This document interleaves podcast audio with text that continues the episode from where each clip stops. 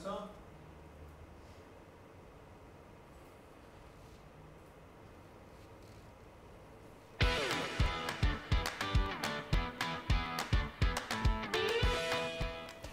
Labas vakaras. Jūs žiūrite tiesioginę transliaciją televizijos, kurią išlaikote patys. Ir televizijos, kuri laimėjo konkursą ES, taigi ir Lietuvos finansavimui gauti. Taigi ir jūsų pinigų, o ne ministerijos, kuriai buvo patikėta organizuoti tuos konkursus. Jeigu turėsit priekaištų ir pastabų ir nedaug dievę pajusite, kad mes tapome mažiau kritiški valdžiai dėl to, kad laimėjome tą ES konkursą, Tai kaip visuomet, pasakykit mums savo pastabas ir kritiką. Na, o šiandien, kaip visuomet, užduokit savo klausimus mūsų laidos dalyviams. O šiandieną tai yra prezidentės patarėja, vyriausioji patarėja iš socialinės a, politikos grupės Lina Antanavičiane ir Seimo sveikatos reikalų komiteto narys Elgimantas a, Kirkutis. Mūsų šios dienos tema yra Kas vyksta su sveikatos apsaugos reforma, nes prezidentė ją vetavo, taigi mūsų klausimas ir yra, ko joje, toje reformoje yra daugiau - konstitucijos ar socializmo. Prezidentė Dalia Grybauskaitė vetavo sveikatos sistemos reformą. Ministras sako, kad taisys įstatymus. Lietuvos valstiečių ir žaliųjų sąjungos pirmininkas, kuri delegavo tą sąjungą ministrą, kad veto bus atmestas. Seimo vadovas sako, kad neuždarys rajoninių ligoninių, kol nepraeis rinkimai į savivaldybės. Pone Kirkuti, gal jūs žinot, kaip bus dėl to veto, nes skirtingi šaltiniai skirtingai transliuoja, kaip su juo elgsis. Nu, ačiū, kad jūs į mane žiūrit, kad aš galiu daugiau informacijos suteikti negu Seimo pirmininkas arba frakcijos atstovas. vadovas. Iš tikrųjų, tai jie geriau formuoja politiką negu aš. Aš esu eilinis partijos narys ir sveikatos komiteto atstovas. Man Bet tai, labai, jie sunku, skirtingai kalba, tai aš dėl to jūsų klausiu. man labai sunku dabar prognozuoti. Aš galvoju, kad praktiškai du scenarijai rudenį tikriausiai bus. Vienas tai, kad Seimas atmes, kaip jūs minėjote, o kito kažkoks tai kompromisinis variantas, kad tikriausiai bus dar kartą persvarstyta ir, ir, ir, ir šitas įstatymas jis bus pataisytas ir vėl pateiktas Seimui. O koks būtų jums primtinesnis variantas? Ar taisyti pagal prezidentės a, veto, ar atmesti veto ir palikti galioti tai, kas priimta? Nu, man, aš esu Seime sveikatos reikalų komitete sveikatos tausojimo ir stiprinimo pakomitečio vadovas.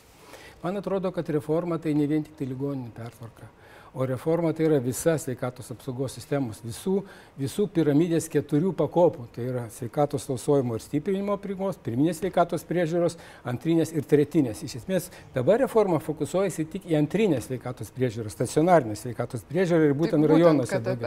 Aš galvočiau, kad jeigu mes šnekam apie reformą, Taip. tai reiškia apie visų keturių pakopų, reiškia atitinkamą indėlį ir visą kitą.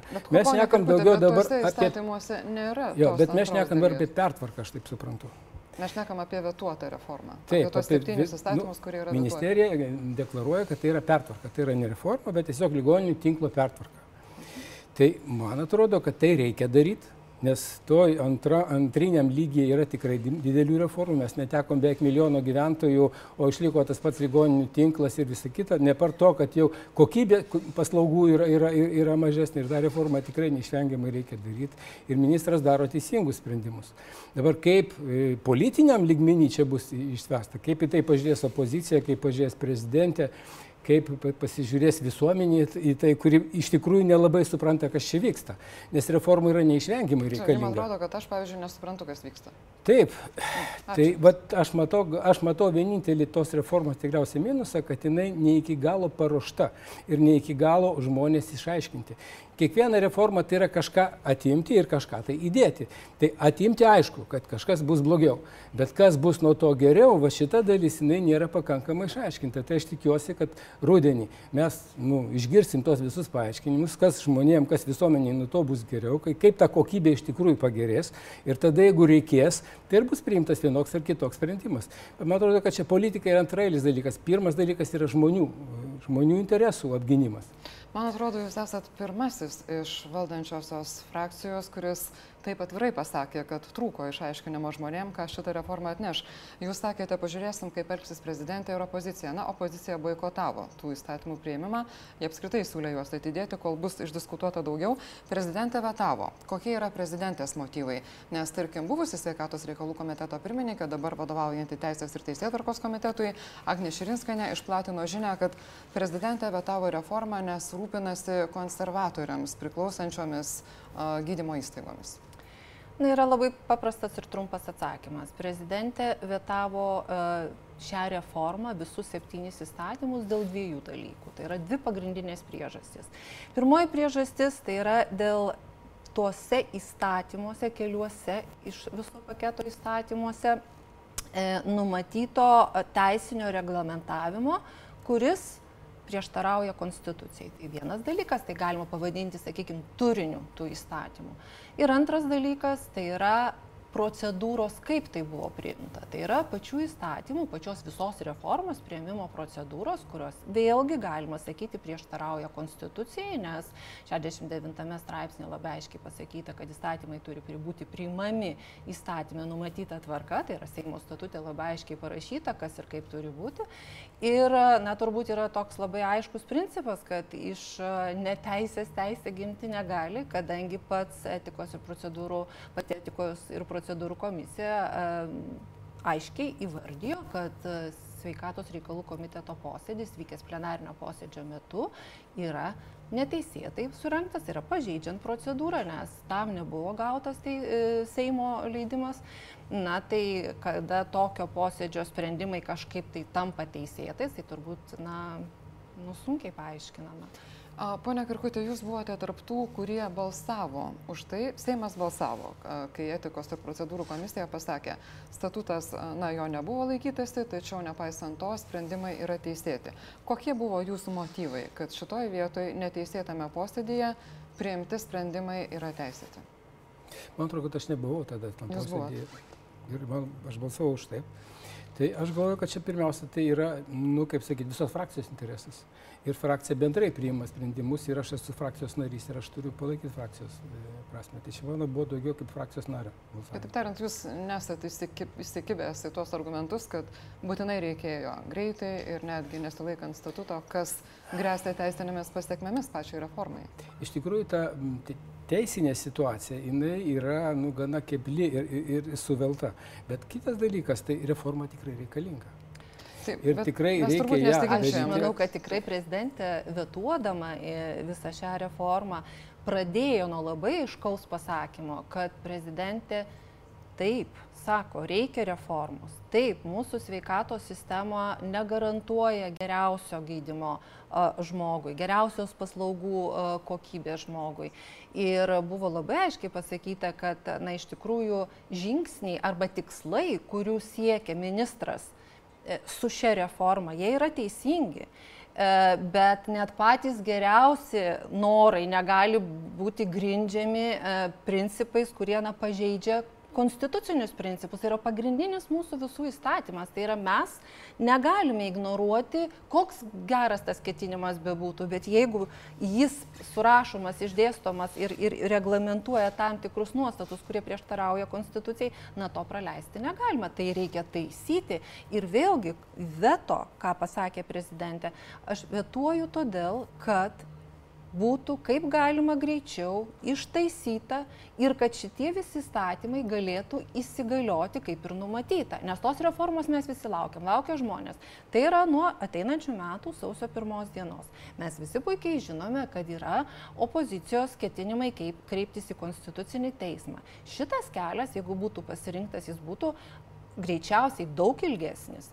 Ir tokiu atveju įgyvendinimas gali ir dar labiau nusikelti. Tai čia, aš manau, visų mūsų yra bendras tikslas. Ne dabar muštis ir, ir pyktis ir reikia padaryti taip, kad prieštaravimai konstitucijai būtų kuo greičiau ištaisyti ir kad ta reforma tokia, kokia jinai turi būti, kad garantuojanti esmė reformos geriausias paslaugas žmogui, kokybiškiausias paslaugas sveikato žmogui, prieinamas paslaugas ir kad visa tai būtų teikiama nediskriminuojant įstaigų dirbančių ir kurios yra finansuojamos visų mūsų lėšomis, tai yra privalomos sveikatos draudimo fondo lėšomis. E, ten labai aiškiai konstitucinėje doktrinoje yra išaiškinta, kad kada valstybė disponuoja šitomis lėšomis, turi būti atsižvelgiama į veiklos laisvės sąžiningos konkurencijos principus. Negali būti įstaigos diskriminuojamos kapitalo pagrindu. Turit galvoje pats... privačias gydymo įstaigas? Be abejo, todėl kad tai redakciją... yra išaiškinta konstituciniai doktrinoje. Čia nereikia kažkokių, nu, ieškoti. Ir svarbiausia, paciento teisė rinktis. Aš sakyčiau, kada mes kalbame apie sveikatą, apie, apie žmonės, tai yra pamatinė teisė, kad žmogus turi teisę rinktis gydymo įstaiga, jeigu jinai teikia kokybiškas paslaugas. Tai vad kada įstatymuose buvo bandoma optimizuoti įstaigų tinklą, kas pats savaime siekis yra labai teisingas. Iš tikrųjų, per daug pas mus įstaigų, per daug lovų, kurių trečdalis stovi tuščias.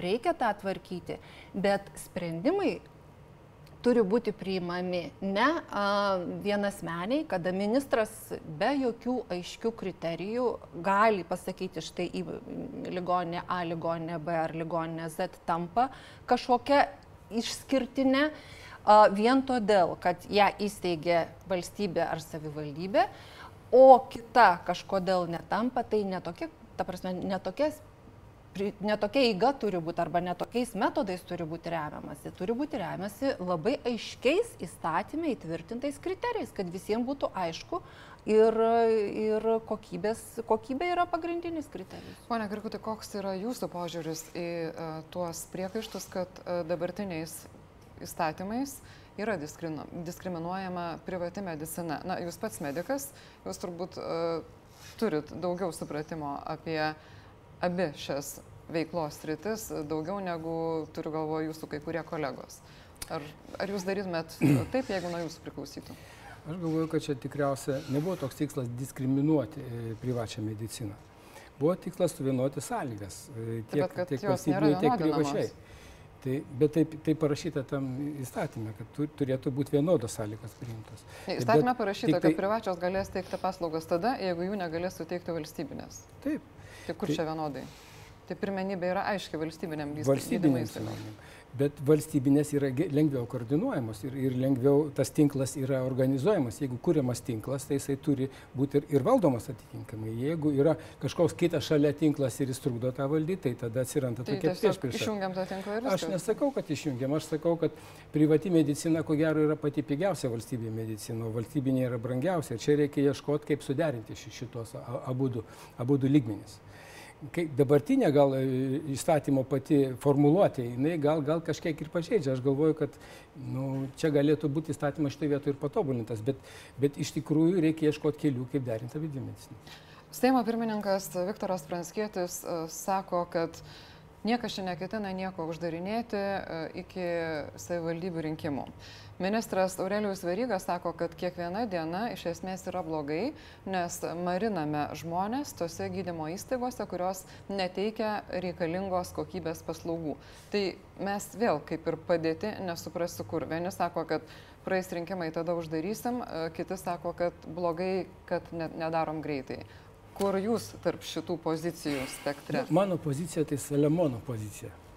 Tai jeigu prisiminsim Saliamono šventyklą, tai ten buvo dvi kolonos ir ant vienos buvo užrašyta kodėl, ant kitos kaip. Tai mano klausimas, kodėl jis yra visiškai aiškus kad reforma, visi sutinka, kad reforma reikalinga ir, ir, ir nekyla. Labai blogai, kad tas kaip yra labai daug spekulacijų įvairių ir, ir, ir neaiškumų. Ir, ir, ir labai baisu, kad tame kaip mes galime nuskandinti viską. Arba, padaryti vėlai, vėliau. Šiuo metu situacija yra sveikatos apsaugoje kritiška. Reiškia, iš 36 šalių Lietuvoje žmonės gyvena trumpiausia. Situacija turi būti eismo. Ministras tą aiškiai mato. Jisai logiškai bando dėlioti, e, kaip yra. Niekas ne, nebūna be klaidų. Yra kažkokios klaidos. Ir aš galvoju, kad tas klaidas reikia taisyti. Ir aš tikiuosi, kad tai bus padaryta. Mano pozicija tokia, kad tai į priekį net gal. Gerai, bet jūs kalbate apie kolonas kaip ir kodėl. Mano klausimas buvo kada. Nes vieni jūsų atstovai sako, kad reikia vakar, mhm. kiti sako, kad galim palaukti iki rinkimų. Nu, aš, aš galiu atsakyti, kad reikėjo vakar.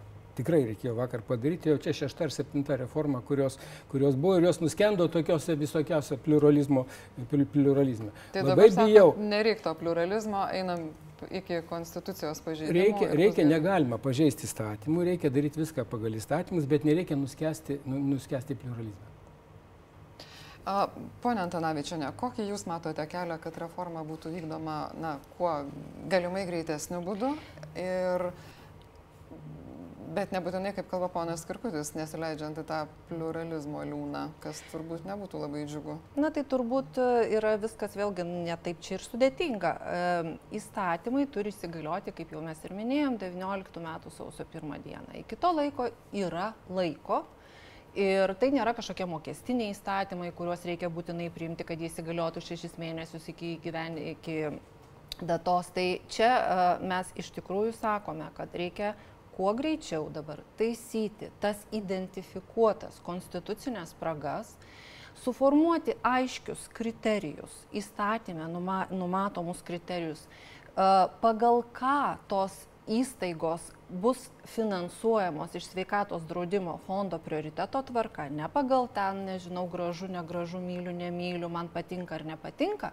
bet pagal labai aišku pagrindinį kriterijų. Teikia kokybiškas paslaugas, laiku teikia, žmonės patenkinti, tvarkoj, tokia įstaiga turi dirbti, jeigu ne, tada ne. A, tai visą šitą galima, na, iš tikrųjų susijęmus imti ir padaryti. Ir čia vėlgi visada visi, kada prezidentė m, prieš primdama sprendimą dėl vetavimo susikvietė pas save pasitarti ir gydytojus, ir gerbiamą ministrą, ir komiteto pirmininkę, ir konstitucinio teismo, a, žino, konstitucijos žinovus, buvusius konstitucinio teismo teisėjus, gydytojus taip pat. A, tai buvo iš tikrųjų na, tokia atmosfera, kur tas sutarimas kaip ir buvo toks, kad visi pasirengę padėti. Visi pasirengę. Ir Konstitucinio teismo ekspertai sakė, jeigu reikia mūsų pagalbos, mes pasiruošę. Gydytojai sakė lygiai tą patį, jeigu reikia mūsų pagalbos, mes pasiruošę padėti. Mes taip pat sakom, mes tikrai pasiruošę, jeigu kaž, kažką mes galime padėti, tai mes tikrai pasiruošę padėti, tol kad interesas yra toks. Turi reforma judėti, bet ne bet kokiom sąlygom. Mūsų žiūrovai, vienas pasirašęs kaip Svinis, to, Svinis Todas, klausė, kur yra ministras Veryga. Tai ministras Aurelijus Veryga nėra iš tų ministrų, kurie labai vengtų ateiti į laidas, tiesiog mums nepavyko suderinti bendro laiko ir tikiuosi, kad tą padarysim kitą kartą. Dar vienas žiūrovas, Povilas Daravičius, klausia, esminis yra klausimas, ar reikalinga konkurencija, nes jo manimų dabartinė konkurencija iš komercinės, privačios medicinos neefektyvi, bent jau kiek jam, sako, teko patirti. Pone Kirkuti, ar jūs matote konkurencijos reikalingumą valstybinio tinklo su privačiu? Konkurencija gimdo kompetenciją, yra toks pasakymas iš tikrųjų visada konkurencija jinai kažkiek reikalinga, nes pastumė ir vieną, ir, ir, ir kitą pusę. Ir aš galvoju, kad čia kažkiek turėtų, turėtų būti tos konkurencijos. Bet jūs pats sakėte, jeigu tas kitas tinklas trukdo efektyviai valdyti valstybę. Jeigu trukdo, tai tinklą, tai vienas dalykas, tai o jeigu jisai kaip legaliai konkuruoja, tai yra kitas reikalas. O kas turit galvoje nelegaliai konkuruoja? Ar galėtų nelegaliai konkuruoti? Nu, tikriausiai yra, yra ir, kaip žinot, vis dėlto šešėlinė, šešėlinė dalis, kuri, kuri, kuri, nu, vienaip ar kitaip veikia kitokiais. Nežinau, kad aš tikrai nežinau. Ar jūs kalbate apie tai, kad privačioje medicinoje atlyginimai mokami vokeliais ar kokius ne, dalykus? Ne. Tai, tai ką jūs turit galvoje? Aš tikriausiai turiu sakyti, kad paslaugos yra nevienodai apmokamos. Reiškia, privačioje medicinoje yra nu, kaip sakyt, gal net ir sunkiau kartais padaryti, todėl kad ten yra, reikia sumokėti už, pa, už patalpas, už, už, už šildymą, už visus kitokius dalykus. E, valstybiniai medicinai to nėra, bet gal ten srautai, ligoniai yra sunkesni. Privačioje medicinoje yra lengvesni ligoniai, kurie per pirminį tikriausiai lygi daugiau, daugiau liečia ir visą kitą. Tai va šitie dalykai jie turėtų būti suderinti ir visiškai turėtų būti aišku. Kaip Jūs matote tą suderinimą? Nes kol kas man sunkiai sekasi išsiaiškinti, ar vis dėlto ta privati medicina yra matoma Lietuvos sveikatos sistemoje ar ne, turiu galvoj valdančiuosius parlamentarus. Na, aš nežinau, vėlgi turbūt nuo atsispirkime nuo, nuo, nuo pagrindinio dalyko. Patinka mums konstitucija, nepatinka jinai, bet yra aiškiai sudėliota, kad taip, 53 straipsnių, kuria yra apibrėžiama, kad žmogus, žmogaus sveikata turi būti saugoma ir jam turi būti užtikrinama nemokama pagalba, negalima skaityti arba traktuoti atsijant nuo kito straipsnio konstitucijos, kuriame yra įtvirtinami Lietuvos ūkio pamatai ir kur labai aiškiai pasakoma, kad mūsų ūkis grindžiamas privačios nusavybės teisė, konkurencijos, sąžiningos konkurencijos teisė. Ir vėlgi konstitucinio išaiškinimuose buvo labai aiškiai pasakyta, kad ten, kur mes naudojam privalomos sveikatos draudimo lėšas, negali būti įstaigos diskriminuojamos kapitalo pagrindu. Tai čia vėlgi negalima, nu, yra parašyta ir mes turim taip daryti. Patinka mums, nepatinka, tuo labiau, kad iš tikrųjų mes turim puikiausių pavyzdžių,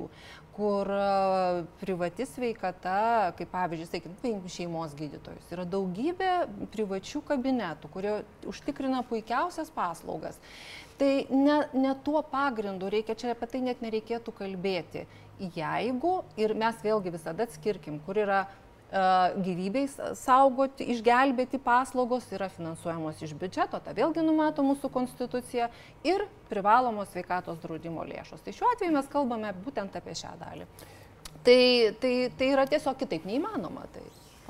Man atrodo, čia problema yra daugiau ne tiek pirminiam lygmenyje, kiek antriniam kiek antriniam, apie chirurginės paslaugas, dienos chirurgijos paslaugas ir vis tik tai čia yra ta problema.